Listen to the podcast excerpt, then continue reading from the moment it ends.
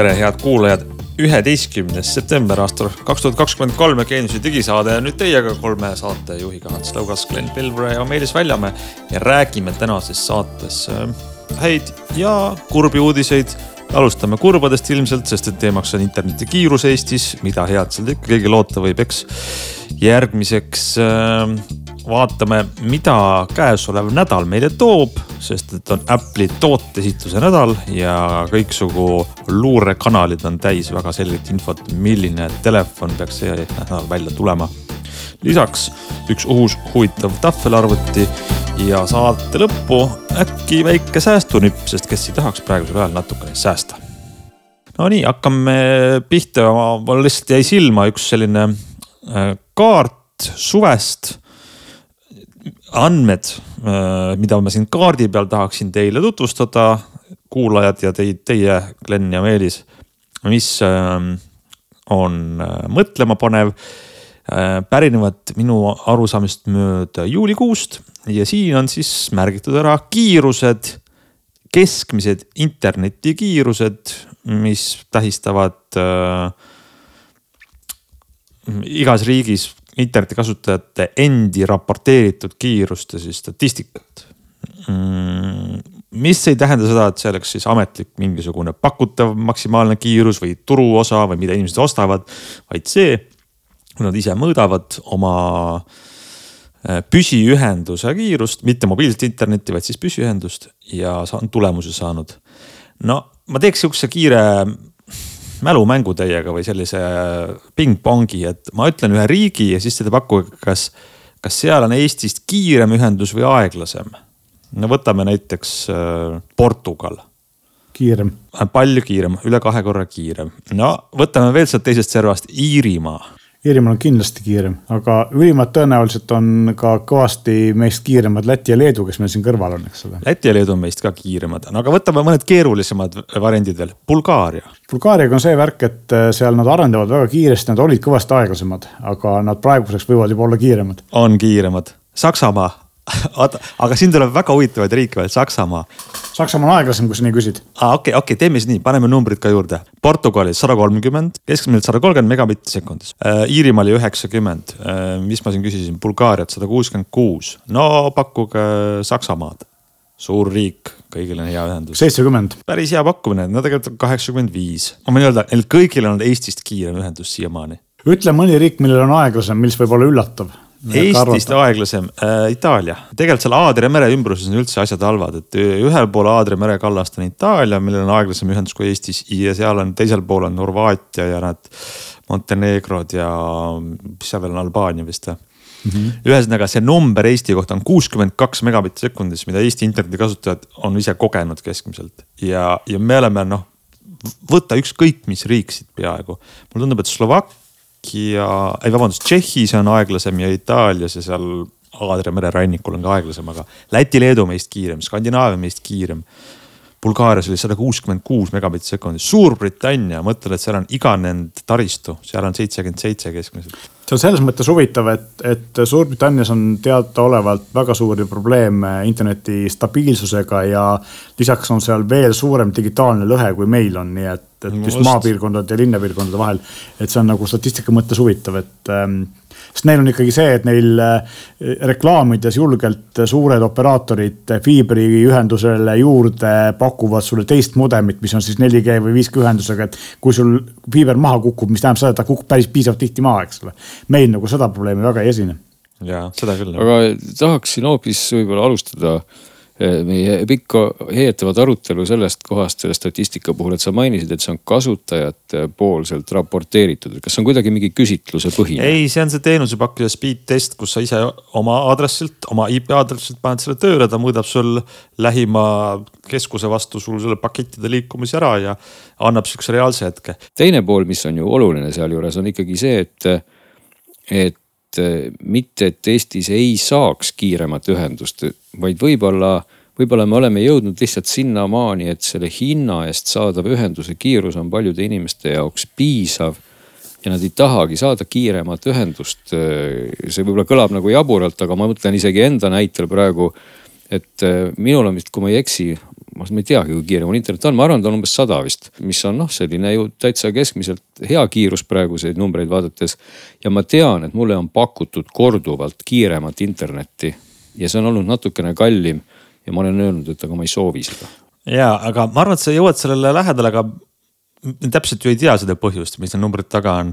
aga vaatame seda Läti-Leedu pilti, kus on, ma ei tea, vist, ma ei tea, kolm korda odavam internet või selle asja teine pool ongi see, et, et me jõuame selle hinna nagu eest saadava kiiruseni, et see võib-olla siis äh, ühelt ühest küljest seda reguleerib, aga teisest küljest ka mulle nagu tundub, et kui, kui võib-olla meie või noh, ma siin jälle enda näitel ütlen, noh, võib-olla natuke sellise siis digiteadlikuma inimesega isegi lähenen suhteliselt ükskõikselt interneti kiirusele, siis ma tahaks nagu üldistada, et võib-olla inimene, keda see interneti peale üldse nii väga ei huvita, läheneb sellele justkui veel ükskõiksemalt ja kui talle öeldakse nüüd, et, et palun, et me pakume sulle ühte gigabitti, aga maksa meile nüüd, siis ta kindlasti Just, ei võta. Eesti hindade juures ei võta. jah, ma võin äh, öelda, et see täpselt kõik kehtib, mida te rääkisite ja isiklikust kogemusest võin öelda ka seda, et mul oli, äh, kui ma siia praegu selle kohta kolisime, siis oli, noh siin on, esiteks on see, et äh, asi on monopol, kuna siin pakub internet ainult Telia ja mitte ükski teine firma siin pakkuda ei saa. mis tähendab seda, et mul ei ole nagu võimalust valida, esiteks.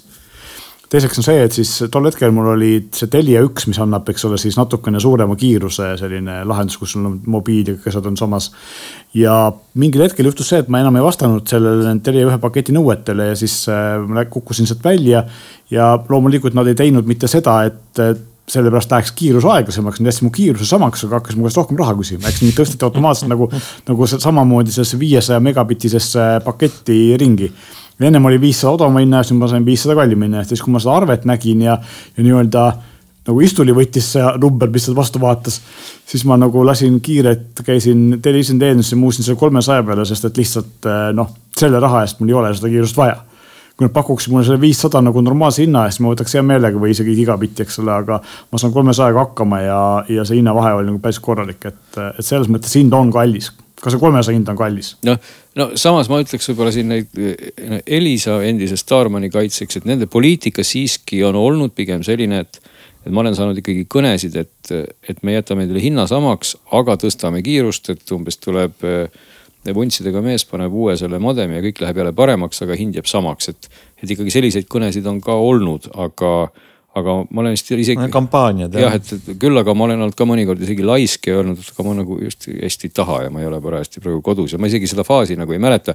ehk et jah, tulles sellesama hinna ja kiiruse suhte juurde tagasi, on võib-olla paljude jaoks täna see interneti kiirus lihtsalt piisav. et, et ilmselt inimesed saavad oma oma asjad tehtud, oma veebid vaadatud ja, ja, ja võib-olla see ajastu on isegi natukene nagu läbi saanud, kus hullumeelseid filme tõmmati üles ja alla, sest et olid ju ajad, kus. ei, ma arvan, et tegelikult filmide tõmbamine on kümnekordistunud lihtsalt legaalselt jah.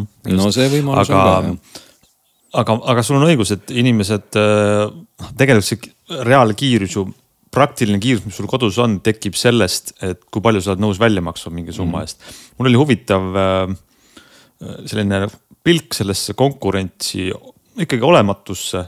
kui äh, maakohas oli, ühendati siis Elektrilevi ehk riigi raha eest toodi fiiberoptika sinna siis seinani mm, -hmm. ühendasin ära. ja põhimõtteliselt oli kõik kolm suurt teenusepakkujat ütlesid, et me pakume sellele aadressile nüüd fiiberoptilist internetti ja hinnad olid umbes kakskümmend kuus eurot, kakskümmend kuus, üheksakümmend üheksa ja kakskümmend seitse mille eest sai saja megabitise neti, mis mm -hmm. on no. jah, sada megabitti ajab ära, kui ma tahan Netflixi vaadata, aga mm, -hmm. aga noh, ma tahaks kolmsada, viissada ja võtaks ka tuhat Mm -hmm. Uh, aga ma ei taha maksta seitsekümmend eurot sellest kuus, see on röögatu, see on absurdne no,. siis võiks ikka siin ka võib-olla ikkagi mainida korraks numbrite taha, et mida sa saad, et kui me kasvõi Netflixi näite toome, siis nende noh, selline enda poolt soovitatud megabitid sekundis versus siis filmi kvaliteet on justkui see, et kolme megabitine este kvaliteedis saade peaks siis olema, või tähendab este kvaliteedis saade peaks siis piisav olema, kui sul on kõigest kolme megabitine ühendus, HD kvaliteet viis megabitti. ja kui sa nüüd tahad vaadata siis ultra HD-d või 4K-d, sellisel juhul siis võiks olla vähemalt kakskümmend viis megabitti sekundis, nii et tegelikult noh, sada megabitti sekundis peaks noh, sellise keskmise inimese vajadused väga hästi katma, kui see keskmine inimene ei koosne just suurest perest, sest kes kõik tahab siis 4K videot striimida Netflixist, et sellised on need numbrid seal taga, nii et kui seal ikkagi juba on gigabitine ühendus, siis noh, see on tore, aga tegelikult on see natuke ikkagi ressursi raiskamine ju keskmise mõttes, võib nii öelda ma arvan, et see vahe, mis meil toimub ja mis välismaal toimub, tulenebki sellest, et ilmselt mujal riikides pakutakse lihtsalt seda suuremat kiirust sama hinnaga või marginaalselt kallimana, kui sa kunagi varem maksid, eks ole, lihtsalt. Nad upgrade ivad sind maksma just, aga, aga see ei ole muide pak pakettide võrdlus, vaid see on see, mida inimesed reaalselt siis just. saavad, on ju. ja tänu sellelegi sul ongi võimalik tõmmata see fail või vaadata midagi kõrgkvaliteetselt kolmest-neljast seadmet paralleelselt sinu koduvõrgust ja saada see vajalikult kiirust. muidu, kui sa üheksakümmend protsenti hästi ei kasuta seda, paar seda, äh, Taani juhtis seda edetabel, et sada üheksakümmend kaks megabaiti sekundis mm, keskmiselt Kesk. et sul keskmiselt on ju, et sa, aga kui on vaja, siis kõik tuleb kohale ja, ja meie istume siin ikka edasi ja ma tean päris paljusid inimesi, kes, ma varem poleks seda uskunud, kui ma poleks ise kuulnud, kes ütlevad, et nad on võtnud selle Elon Musk'i satelliidi omale ja nüüd selle hinnad ka langetati mm. eelmisel aastal on ju, et selle eest tegelikult saab parema hinna-kvaliteedi suhtega kiiruse endale internetti. kui Kui paljudes kohtades selle püsiühendus. võib-olla lõpetuseks öeldagi, eks siin on nagu kaks sellist, kaks sellist nagu pidepunkti, üks on see, et see kiirus oleks inimese jaoks piisav, millest allapoole läheb tema digitaalne elu kehvemaks selgelt, eks ole. ja teine on siis see, et see hinnatase oleks selline, mis ei too just füüsilist valu, kui sa arvet näed, et need, need kaks ja. punkti peaks nagu ristuma tasakaalu mõttes ja siis hakkab olema hästi, eks ole, et. ja, ja noh, muidugi, kui sa saad siis selle nagu magusama hinna eest rohkem äh, omale bitte siis on see lihtsalt inimesest vaatest tore, eks ole, aga noh, otseselt pole neid sul kamaluga vaja, kui sa neid ei tarbi. tead jah, ma ütlen, viiskümmend on hädavajalik, sada elab ära. elab ära, et no kõik on ja. suhteline, aga, aga gigabitiga saab juba väga hästi hakkama. nii, aga vaatame siis äkki korraks äh, tulevikku kuulujutte, et kui on kiired ühendused olemas, mida, mis seadmega seda kasutada äh, Apple'i kutse on väljas. meie aja järgi siis teisipäeva õhtul peaks tulema välja uus toode, milleks peaks olema uus iPhone. ilmselt võib-olla üht-teist veel ja mida sealt oodata on, seda me ju praegu ei tea. aga kutse peal oli, oli selle ürituse nimeks Wonderlust. mida iganes see krüptiline nimi peaks siis tähendama aga teada on sellest pikast äh, tarneahelast, kuna ega Apple ei tee ühes salajases toas miljoneid telefone, vaid on pannud enda heaks tööle hoopis väga paljusid teisi vabrikuid ja allhankijaid, siis nende kaudu on, on saanud kinnitust kahtlused, et äh, esiteks äh, või mitte saanud kahtlused, see on juba ammu selge, et tuleb uue pistikuga telefon. esiteks Euroopa Liit on kehtestanud regulatsiooni, mis nõuavad ühtset standardset pistikut kõigile ja Apple vist ise ka kunagi isegi seda kinnitas, et nad peavad selle regulatsiooniga, regulatsioonile alluma, nagu iPadidel juba on uus pistik.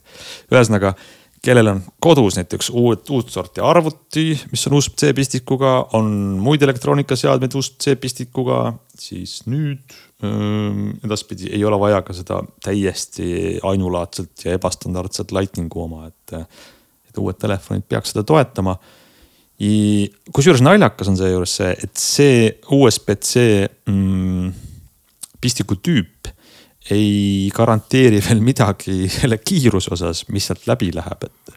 et siin on täitsa vastukäivad jutud, et mit, mis USB standard seal siis on, kas on vana kaks null või USB kolm kaks kas see samamoodi kehtib ju Androidiga telefonide puhul, et USB-C pistik on, aga kiirus on kardinaalselt erinevad?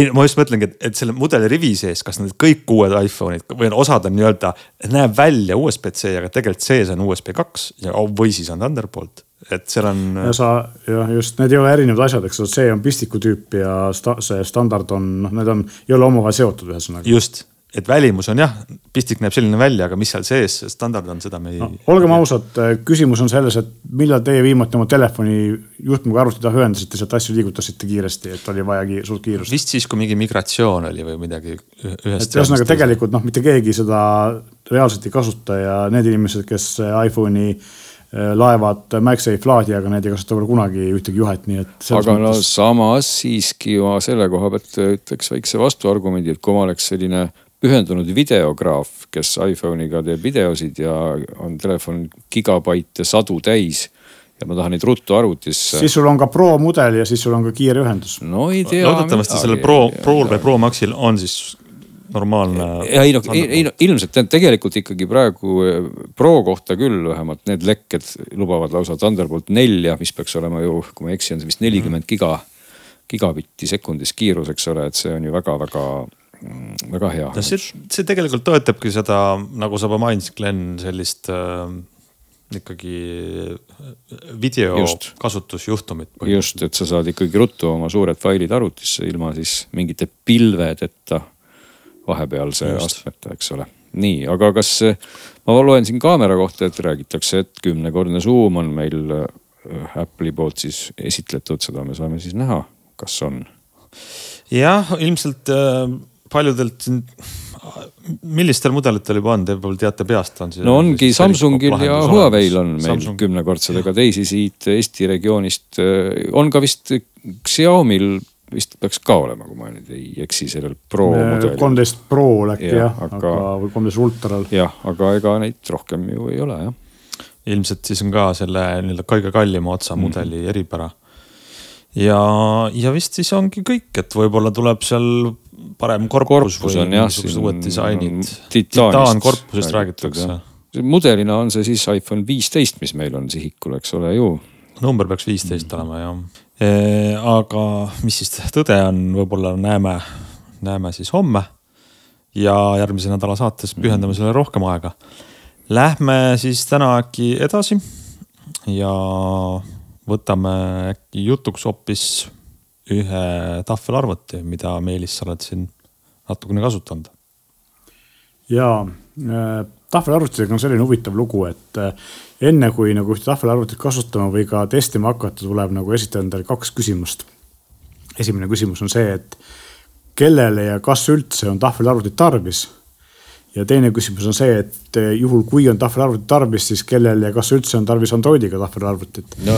ja võib-olla selle alamosa on see, et kui palju on tarvis siis suhteliselt kallist Androidiga tahvlit, et neid siis paarisaja euriseid, neid võib tegelikult täitsa osta, kuna nende meedia tarbimine on täiesti okay.. no vaata, siin ma tahakski kohe hakata segada ka vahele ja samas ka täiendada, et isegi selle küsimuse peaks esitama isegi mitte ainult testija, vaid üldse igasugune inimene, kes mõtleb, et ta peaks mingil ebaselgel põhjusel ostma tahvli.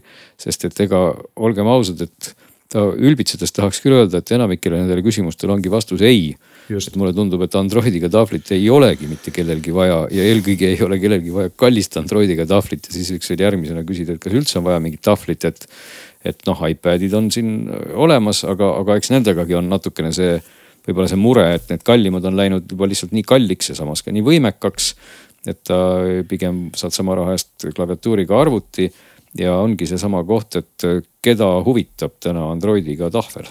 eriti, eriti, mis on kallim, eks ole ja mina mõtlesin täpselt sedasama ja e, enne kui ma siis hakkasin seda tahvlit testima, Xiaomi selle mulle saatis ja, ja iseenesest noh, tuleb see alustada algusest, et tegemist on äh, Xiaomi Pad kuuega, täiesti tuttuus äh, mudel ja minul on sellest siis selline eriversioon või nii-öelda bundle või, või komplekt, kus on siis komplektis ka äh, klaviatuuriga ümbris ja puutepliiats Bluetoothiga selline valget värvi.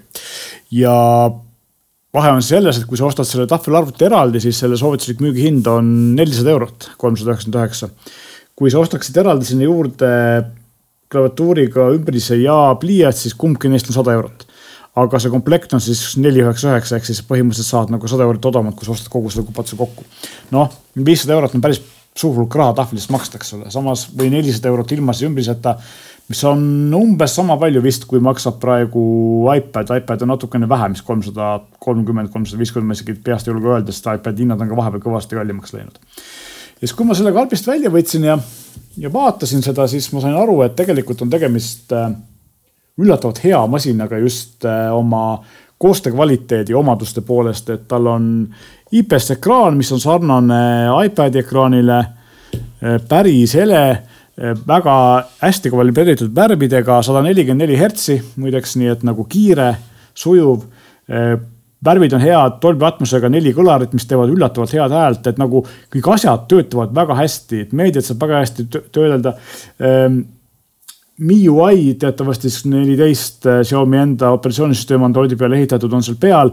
Telefonide puhul ma olen seda siinsamas saates kõvasti kirunud ja see mulle üldse ei meeldi, siis ma pean ütlema, et tahvli peal punkt üks ei häiri üldse.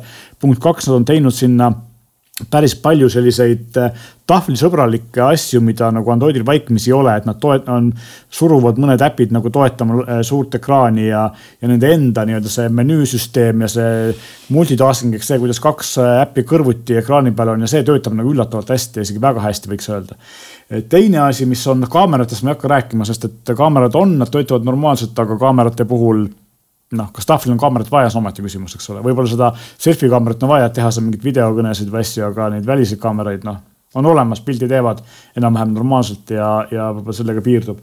nüüd, mis puudutab neid äh, seda ümbrist, siis ümbris on üllatavalt kvaliteetne, ta on magnetiline ja siis nende pogopinnide või klemmidega käib külge, eks ole. kergesti käib küljest ära, aga samas ta ei kuku mitte kuskile. klaviatuur on hea, klaviatuuril ei ole taustvalgustust, aga ta on selline fosfor või mingi sihuke kiht, mis siis äh, ikkagi vähegi mingi natuke isegi valgusega natuke helendab, eks ole, et ta nagu on, on loetav. ja, ja see on nagu, kirjutada oli üllatavalt hea, et ma just mõtlesin kohe Glenni peale, mäletan, Glen tegi igasuguste mestidel iPad'iga tööd, eks ole, ja ma kogu aeg imestasin selle üle, aga praegu ma seda proovisin ja tuleb välja, et võib-olla saaks mina ka hakkama sellega, et, et nagu võib-olla polegi vaja arvutit. ma võtakski siin korraks sul sõnasabast kinni ja ka enda sõnu võib-olla süües, et täpselt olin ma väga pikalt kirjutamiseks kasutasin just nimelt iPhone'i ja klaviatuuri. ja, ja siis ma olen ka siin ühte Huawei tahvlit kasutanud klaviatuuriga, millel on ka see klaviatuuriga ümbris Androidi baasil. ja tegelikult kõik need punktid, kui ma praegu kuulasin ikkagi suhteliselt positiivseid märkuseid selle tahvli kohta, et kui sa asetada sellisesse perspektiivi, et kui sa saad täna siis noh, viiesaja euro eest sellise klaviatuuriga, kvaliteetse ekraaniga, ilusa asja, millega on hea kirjutada. ja sa nüüd vaatad, kui palju arvutit sa saad sellesama raha eest, siis kui ma isegi mõtlen tagasi siin mõne nädala või kuu tagusele arvutite testile, kus, kui ma ei eksi, oli vist kõige odavam arvuti seal testis nelisada eurot ja see oli ikkagi suhteliselt eh, noh, selline väga, väga nagu hädiste spekkidega Intel Pentiumiga Acer Swift üks, kui ma ei eksi. ja see maksis ju noh, peaaegu sama palju. et tegelikult sellise kasutuse puhul sa saad eh, noh tahvlist ikkagi üllatavalt palju, et, et võib-olla isegi see küsimus, et kellele on vaja seda tahvlit. kui sa nagu saad, noh, see klaviatuur lihtsalt lisab tahvlile nii palju funktsionaalsust kohe, et see teeb tast ju tegelikult väikese arvuti, kui sa tahad kirjutada, asju teha ja, ja noh, annab kohe nagu teise mõõtme sellele kogu asjale.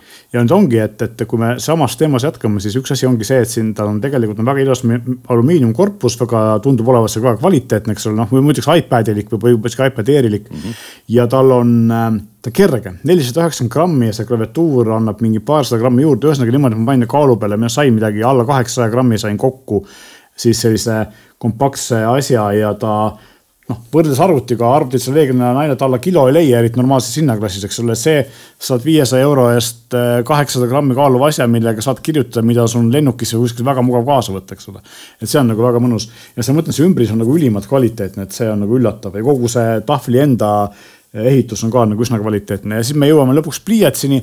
pliiats on Bluetoothiga, pliiats käib äh, siia tahvli peale laadima, mis võib-olla võib juhtuda, et unust-, sa unustad ta laadima panemata, eks ole. niimoodi laeb. Ja, ja ka nad ütlevad siis, et äh, minut aega laadimist on, äkki oli minut aega annab viis tundi kasutamist või midagi sellist, kiirlaadimine, ühesõnaga, et, et tegelikult, kui sa mõtled kümneks minutiks laadima, enne kui sa mingit olulist asja teed, kui ta tühi on, sa saad terve päeva hakkama, eks ole. Ja pliiatsi kasutamisest ta on piisavalt kiire, mina ei ole suur joonistaja ja kirjutamisega on ka niimoodi, et temaga on normaalne kirjutada, aga siin tuleb välja nüüd see tahvelarvuti miinus ehk siis äh, mõni aeg tagasi inimesed, kes on pidevalt saadet kuulanud, teavad, ma testisin ühte äh, Hiina e-lugerit, millel oli ka siis pliiatsi tugi ja peaks ütlema, et e-luger märkmete tegemisena või selline e-ink põhine märkmete tegemise masin on kõvasti parem just sellepärast, et ta meenutab paberit ja käsi on seal peal palju parem ja ta ei ole nii libe ja selline, eks ole, et. et tahvlid on selle koha pealt mhm. kehvemad, aga ta teeb nagu, teeb, ajab asja ära ja see pliiats töötab üsna hästi kahe nupuga. Üks avab siis Xiaomi Notes'i või mõne muu asja ja teine on siis lisafunktsioonide jaoks. et iseenesest nagu täiesti okei okay. ja huvitav on lihtsalt see, et alumiin, tahvel ise on alumiiniumist natukene mingite mustade aktsentidega korpus on must või see ümbris ja pliiats on valge millegipärast, et pliiats võiks ju ka siis must olla, näeks parem välja. aga iseenesest ja muidugi noh, pliiats on siin magnetiga üsna tugevalt kinni, aga ta on ikkagi piisavalt niimoodi, et kuskil kotis võib see pliiats küljest ära tulla, et sellele peab tähelepanu pöörama, eks ole ja siis ma hakkasin vaatama, et noh, millega teda nagu võrrelda, et äh, tegelikult äh, noh, teda ei saa võrrelda siin odavate Androidiga tahvlitega, eks ole, aga teda saab võrrelda OnePlus Padiga, mis on natukene paremate andmetega ja natukene kallim, aga märgatavalt kehvemat, kehvemate soft'i lahendustega. ja siis teised asjad on siis need ähm, kevadel välja kuulut-, oli kevadel, ei olnud, koos nende, ühesõnaga hiljuti välja kuulutatud Samsungi Tab äh, S-seeria omadega, mis tegelikult on ülikallid või siis eelmise aasta Tab S8 seeria, mis on väga sarnaste andmetega, sest Tab S9, mis nüüd uued on, on Oled ekraanidega, aga see täpes kaheksa on sarnase ekraaniga sada kakskümmend hertsi, mida sada nelikümmend neli nagu sellel Xiaomi'l on. aga ka praegu aasta hiljem kõvasti kallimad. ja noh, mina ütleks, et oma kvaliteedi omaduste poolest, kui iPadiga võrrelda, siis jääb ta sinna ikkagi pigem iPad Airi kanti. aga küsimus on selles, et Androidi äpid versus iPad'i äpid äh, tahvlil, eks no, ole, et see on. ja nagu samas probleem. ikkagi peaks ka ütlema vahele, et iPad Airi hinnad on täpselt kaks korda kõrgemad ehk et alates kaheksasada eurot. ja, ja siis noh, pisiasjad, eks ole, laadimine ei ole väga kiire, aga on okei okay,, kolmkümmend kolm vatti ja sellel konkreetsel tahvlil, mis siis selle hinnaklassis on, on sada kakskümmend kaheksa giga sisemälu ja kuus giga RAM-i, nii et on olemas ka kaheksa ja kaks viis kuus versioonid Äh, kaks probleemi on, kaks puudust on, mis minu arust on üsna suured puudused, aga mõne inimese jaoks ei pruugi olla. üks on see, et ei ole sõrmejälje lugejat ega mingit muud biomeetriat, ehk siis kui sa tahad selle ikkagi tahvli lukku panna, kus oma andmed seal sees on, sa pead kasutama koodi, mis võib-olla on ebamugav või siis kaameraga näotuvastust, mis ei ole turvaline, eks ole. ja teine asi, mis on üllatav, mida mina pole varem kohanud, äh, tal ei ole GPS-i ehk siis millegipärast on nagu see kivistiku osa üldse puudu et äh, see on nagu naljakas, et paljud inimesed kasutavad tahvlit äh, suure kaardi näitamiseks kuskil autos või kuskil, eks ole, selleks ta võib-olla väga hästi Just. ei sobi. et see on imelik, aga ja ekraan on äh,. Mm, läksin valesse kohta, kohe ütlen, tuhat kaheksasada korda kaks tuhat kaheksasada kaheksakümmend pikslit ehk siis väga hea resolutsiooniga samuti ja protsessor on Snapdragon kaheksasada seitsekümmend, mis on praeguseks paar aastat vana aga piisavalt kiire ja tegelikult ka, kes soovib tahvliga mänge mängida, kuna paljud lapsed mängivad tahvli peal mänge, siis väga hästi mängib mänge, nii et. et ütleme nii, et kui ma hakkasin seda tahvlit või võtsin karbist välja, siis ma olin hästi skeptiline ja praeguseks ma olen palju positiivselt meelestatud, omale ma jätkuvalt tahvlit ei vaja. aga samas inimesi, kes seda tahvlit osta tahavad, siis tegelikult see on täitsa okei valik no siin äh, võiks lihtsalt äh, sellise võrdlusmomendina tuuagi kõrvale, et noh, selline tahvlite kunn ikkagi on iPad. et kui ma nüüd täna tahaksin klaviatuuriga osta omale siis kõige odavamat lahendust, mida Apple pakub, on see siis iPad kümme punkt üheksa. ja see maksab alates kuussada eurot ja klaviatuuri kombo või siis noh, see klaviatuuri selline alus, mille peale siis saab ta väikseks ülearvutiks moondatuna panna, see maksab kolmsada eurot mis tähendab, et, et üheksasada eurot on siis, on mm -hmm. siis Apple'i vaste sellele, aga loomulikult sa saad selle eest noh, võib-olla ikkagi nagu mõnes mõttes siis selle kõige kõigema, eks ole, iPad'i koos iPad OS-iga. mille puhul ikkagi suurim erinevus Androidist, noh nii palju, kui ma olen neid Android tahvleid testinud ja ka, mis seal salata, seesama Galaxy Fold viimane, eks ole, volditud telefon, mis ka omamoodi on nagu väike Android tahvel et minu jaoks nagu suurim miinus võib-olla, kui ma vaatan väljaspoole seda oma mulli, milleks on siis tahvli peal just nagu kirjutamine ja võib-olla mingite videote vaatamine. oleks nagu äpid, siis Android tahvli puhul ikkagi jätkuvalt kuidagi mind irriteerib, irriteerib see, et need, need äpid ei, nad ei ole, nad, nad nagu ei saa täpselt aru, kas nad on seal ekraanil nagu mobiili omad või nad on nagu tahvli omad, et. et nad kuidagi, mõned asjad on talumatult suured ja, ja mõned asjad nagu ei toimi nii, nagu nad võiks toimida, et, et endiselt nagu, nagu jääb see Android tahvli selline nagu kasutatavus kohati sellisesse kummalisse nagu ei kellegi maale, et. Et mida iPad'i puhul ma sellisel kujul nagu ei ütleks, et iPad'i puhul on ikkagi selgelt see äpp iPad'i peal on väga ilus, aga, aga võib-olla see on lihtsalt vähese kasutamise probleem või vähese kogemuse probleem. et ma ei, kindlasti võib olla inimesi, kes on Android tahvliga väga rahul ja saavad sellega kõiki maailma asju teha, aga ta nagu tundub natukene selline liiga suur telefon võib-olla või noh, vot see oli minu segase jutu. no aga see tegelikult ongi võib-olla põhiostu põhjendus, miks tahvel ostetakse, et ta on suur telefon. ja, ja, ja see tundub naljakas, aga tegelikult on äh,. ma ei tea, ma olen kuidagi viimasel ajal tähele pannud, mitmel inimesel on ta koduseadmete juhtimiseks. ütleme, sul on kõlar, mm. mis iganes, äkki sul on nutikodu Just. või siis vaatad mingit videot diivani peal, et sul on sihuke lisaekraan kodus. ja mulle tundub, et sinna võetakse kas kõige odavam asi, mis näitab lihtsalt videot mm. -hmm või siis iPad. just, et nende ähm. selle jaoks töötavadki need kõige odavamad asjad väga hästi, et siin ongi küsimus, et mille jaoks on seda kallimat vaja, aga noh, siin on nagu neid, neid nüansse, mis tegelikult selle kasuks räägivad.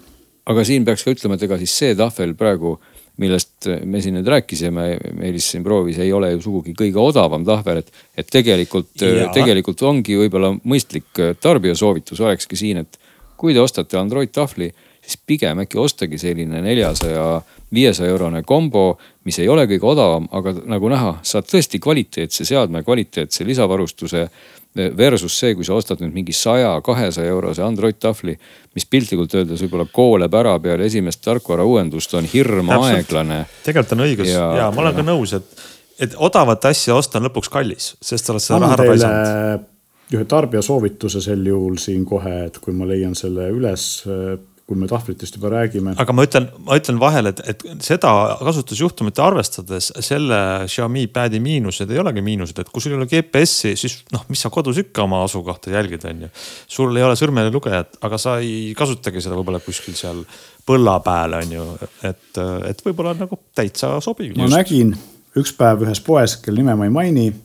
Lenovo Tab M7 Gen kolm eh, andmed Android üksteist Go, seitsmetolline, tuhat kakskümmend neli korda kuussada ekraan, kaks giga RAM-i, kolmkümmend kaks giga salvestusmälu, see maksis sada viiskümmend eurot.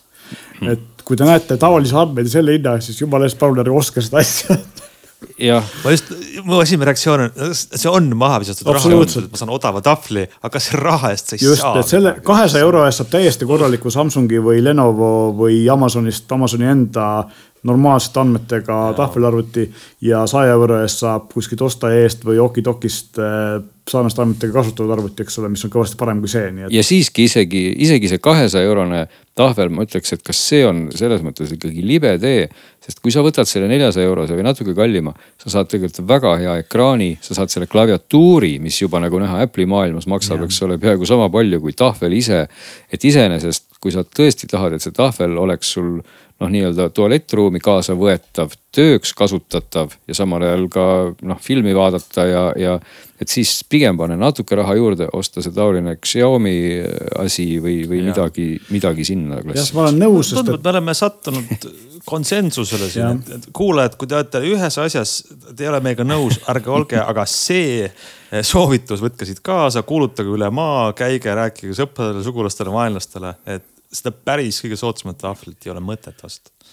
ja, aga meie saate puhul on vist veel üks asi veel olnud rääkida. räägime siis hästi vähe veel sellisest säästutelefonist, mida operaatorid küll otseselt ei müü aga mis on siis pärit Motorola äh, valikust. võib-olla on meil ka muide lootust saada siis mõni Motorola painduv telefon, siis on see Razor nelikümmend on see, millest me küll praegu veel ei räägi, sest meil ei ole seda, aga aga on olemas telefon nimega Motorola G73, mis siis noh, peaks ilmselt võistlema või olema siis kõr kõrvutuma siis näiteks Samsung.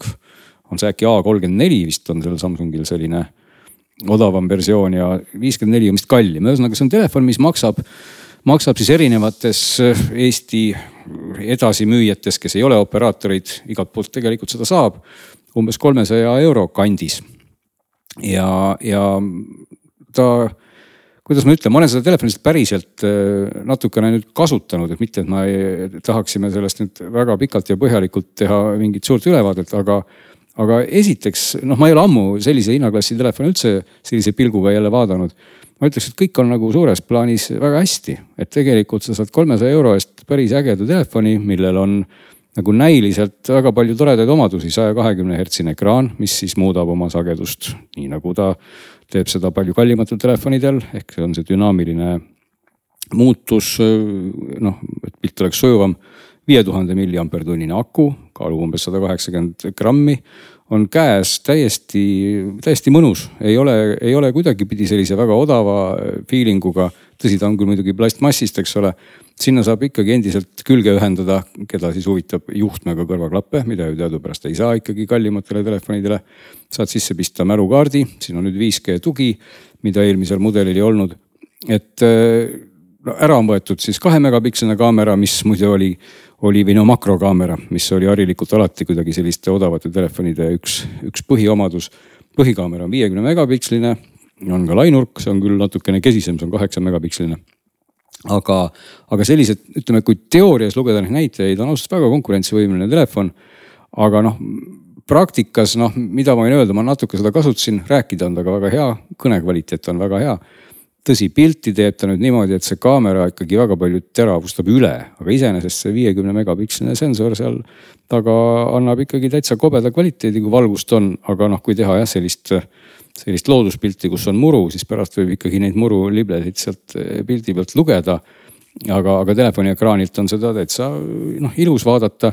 seal on ka eraldi selline öörežiim, mis iseenesest noh, vanasti kolmesaja eurone telefon ei teinud nagu öösel mingit pilti et see täitsa töötab, saab laadida siis küll jah, ilma juhtmevabalt ei saa laadida, saab laadida juhtmega. aga kui me Samsungist või sellest eh, Flipist siin just rääkisime, et kakskümmend viis vatti, siis palun väga, sellel telefonil on kuni kolmkümmend vatti ehk et laeb veel kiiremini. nii et ähm, taht-, tahaks nagu öelda seda, et, et me elame nagu niisuguses kummalises maailmas mõnes mõttes, et ühtepidi me võtame telefoni, mis on neljakohalise hinnaga ja siis äh, kritiseerime või, või, või mitte seda ja teistpidi on telefon, mis on neli korda odavam ja nagu kindlasti ei ole neli korda halvem, et, et kui ma tõesti täna nagu loeksin raha ja tahaks kolmesaja euro eest osta telefoni siis, äh, siis on valikuid ausalt öeldes päris noh, võib-olla kolmsada pluss on valikuid nagu, nagu päris palju, et, et kolmesaja eest võib-olla natukene vähem. ja selle eest sa saad endiselt, mis on ikkagi väga tore, sa saad praktiliselt puhta Androidi. Et kui sa nüüd Samsungi nime ma mainisin, noh Samsungi puhul sa saad ikka sellise Samsungi Androidi, võib-olla see mõnele väga meeldib. teisele see ei meeldi, et selle telefoni peal küll nagu see kasutuskogemuse ja välimus on, on väga, väga head näevad välja, lubatakse tarkvara uuendusi Motorola poolt talle küll turvauuendusi kahe tuhande kahekümne kuuenda aastani. et, et jah, palju nüüd süsteemi uuendusi tuleb, seda mul ei õnnestunud kuskilt välja lugeda. aga noh, nagu näha, ka selle peale mõeldakse, et selline, selline nagu kogemus minul sellise odavtelefoniga see on äge, sellepärast et ta on omaaegne selle Moto G nii-öelda perekonna siis viimane liige, mis mulle omal ajal väga-väga meeldis just sellepärast, et on soodne telefon, suhteliselt mm. võimekas hinna eest, pluss peapuhas Android. ja no ta oli, kuidas siis öelda, selline vä, vä, hea vaheldus äh, sellele, et, et sul tegelikult soodsamad telefonid alati Samsungid või siis alati, no Huawei'l oli ka omal ajal. aga nüüd on see Samsung on nagu selle väga domineerib et kui sa ei taha olla kõikide Samsungitega samamoodi välja näha, aga mingi soodne telefon, siis on see Moto G perekond nagu tore. samas ma nagu, ma ei tea, meil on mingi sisemine seier mulle ütleb, et see seitsekümmend kolm, ta võiks maksta mingi sada üheksakümmend eurot näiteks ta Motorola ju pakub tegelikult see, see G seitsekümmend kolm on nendest G-dest kõige kangem, et tal on ju olemas veel G viiskümmend kolm, kui ma ei eksi, oli vist lausa ka kolmkümmend kolm kõigilt on natukene erinevaid asju ära võetud, et viiekümne kolmel, kas oli ekraan, oli väheke kehvem ja midagi oli seal veel puudu. et, et noh, seda võib nüüd tehnilistest andmetest vaadata, et mille, mille arvelt sa seal loobud. Aga, aga noh, iseenesest jah muidugi ta võiks maksta veel vähem ja siis oleks veel toredam. teisalt oleks ka ikkagi tore, kui operaatorid seda pakuksid, et täna on nagu olukord, kus kus no ikkagi tavaline inimene või noh, ütleme siis heas mõttes tavaline inimene läheb ikkagi telefoni ostma reeglina ju mõnest esindusest, et. et palju mul, palju meil neid on nüüd, kes siis hakkavad seda hinda mingitest portaalidest võrdlema ja siis lähevad sellise hulgiostja käest ostma. et noh, sellel telefonil on täna maaletooja on F9 olemas, kes selle telefoniga mulle andis katsetamiseks, nemad otse ei müü. Nemad tegelikult müüvad siis kõikidele, kes tahavad edasi müüa, olgu see siis siin Euronics või Arvutitark või, või kes iganes ka poode, eks ole, ja, ja siis kas seda telefoni saab parajasti järelmaksuga või ilma see, see sõltub nüüd juba puhtalt siis sellest edasimüüjast, eks ole, et operaatori puhul loomulikult annab see nagu kuidagi inimesele võib-olla teatava noh, sellise mugavuse või kindlustunde. jah, see on täitsa huvitav, et isegi ma vaatan äh, kiirelt viskasin pilgu peale nendele selle perekonna veel soodsamatele mudelitele viiskümmend kolm Moto G kakskümmend kolm. kakskümmend kolm oli jah. kakskümmend kolm on jah, ja siis on, et isegi neil kõigil on see viiekümne megapiksline kaamera, põhikaamera, et standard. ja no selle kaamera puhul peab, peab ütlema, et ega see, see viiskümmend megapikslit on selline hea turundustrikk, et ikkagi selle pildi teeb täna tarkvara, et see ja see on, see on ka mõnes mõttes nagu kummaline, et kui raske oleks siis seda tarkvara teha siis sama heaks või noh, mul oli käepärast siin võrrelda ähm, telefoniga, millega ma ise siin juba olen vist paar aastat hakkama saanud suhteliselt hästi, on siis OnePlus üheksa Pro. ja, ja noh, tuleb tunnistada, et ikkagi see, see OnePlus üheksa Pro, olgugi et seal on sensor ka täpselt sama palju neid megapiksleid teeb lihtsalt ilusamaid pilte, noh ta ei, ta ei teravusta mm -hmm. neid nii palju üle. ta tuleb paremini toime seal valgusoludega ja, ja, ja noh, see on tegelikult puhas tarkvara ja see on ju juba tänase seisuga vana telefon. et see näitab muidugi väga hästi, et, et kui sul õnnestub võib-olla saada täna toimiv vana telefon, mis on kena ja, ja ikkagi noh, ei ole veel akud seal ära surnud või mis iganes, siis see oleks võib-olla kõige, kõige parem ost omaduste mõttes, eks ole, et osta no võib-olla aasta-paari vanune telefon, keegi pakub sulle seal paari-kolmesaja euroga. Ja sa saad väga häid pilte ja, ja kõike teha, et, et see on, see on see koht, mis odavtelefonide puhul jääbki natuke nagu küsimärgiks, et, et, et kuidas, kas siis see tarkvara tõesti on nii palju kallim, et, et paneme siis selle kehvema tarkvara ja siis on odavam, sest et see riistvara pool, mida reklaamitakse suurelt on noh, selle põhjal ei saagi midagi otsustada, sest et see, see number ei ütle enam tegelikult mitte midagi. no sellisel juhul meie ei ütle ka enam mitte midagi, sest et äh, tänane digisaade on jõudnud oma lõppu. Ja oleme tagasi juba järgmisel nädalal ja kui me midagi muud ei räägi, siis kindlasti uuest iPhone'ist, nii palju võime lubada, nägemist